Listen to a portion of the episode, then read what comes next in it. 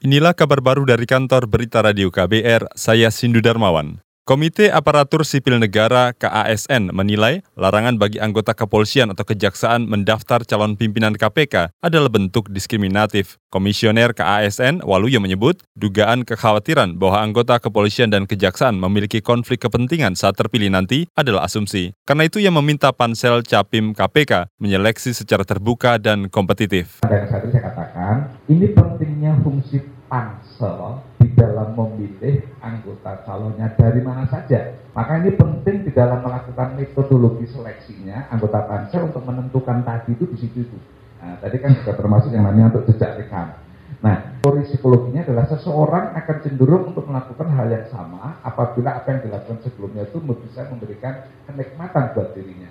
Makanya kalau dari uh, ilmu psikologi, dari Walau meminta masyarakat mengkritisi rekam jejak para calon pimpinan KPK yang mendaftar, kemudian melaporkannya kepada pansel KPK. Selain itu, ia juga berharap pansel KPK benar-benar melihat keahlian para pendaftar dan memilih kandidat yang bisa menjalankan lima fungsi KPK, di antaranya pemberantasan tindak pidana korupsi.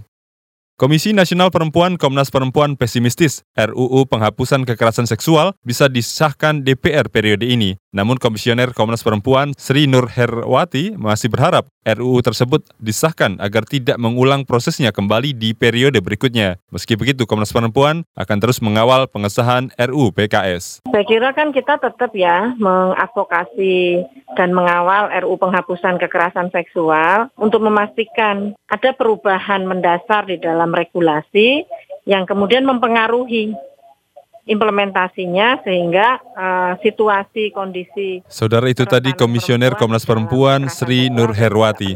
Sebelumnya DPR menargetkan Undang-Undang Penghapusan Kekerasan Seksual RUU PKS bisa disahkan sebelum periode masa kerja saat ini berakhir. Wakil Ketua Komisi Perlindungan Anak Aceh Hasan Sazili mengatakan DPR akan memperkuat materi pencegahan dan rehabilitasi korban serta memperkuat materi penindakan kasus kekerasan seksual.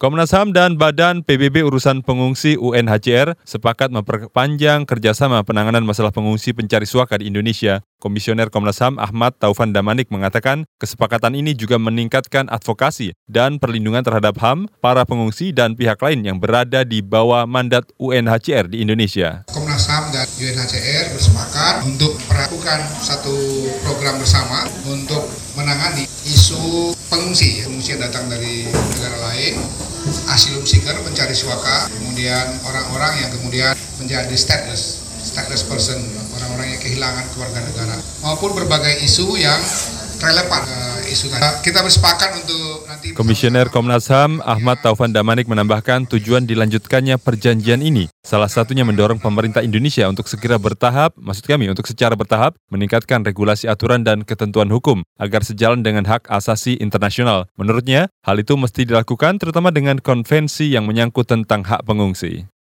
Kementerian Lingkungan Hidup dan Kehutanan KLHK menyebut kualitas udara di Jakarta masuk kategori sedang. Dirjen Pengendalian Pencemaran dan Kerusakan Lingkungan PPKL KLHK, Karliansyah mengatakan pantauan polusi udara di Jakarta masih sesuai standar Organisasi Kesehatan Dunia WHO. Karliansyah mengklaim kualitas udara Jakarta lebih baik dibandingkan negara lain seperti Thailand dan Cina, bahkan hampir sama dengan kondisi udara di Malaysia. Nah untuk Jakarta, rata-rata dari Januari 1 Januari 2019 sampai 30 Juni yang lalu, rata-rata untuk PM2,5 itu 31,49 mikron parameter per, per kubik.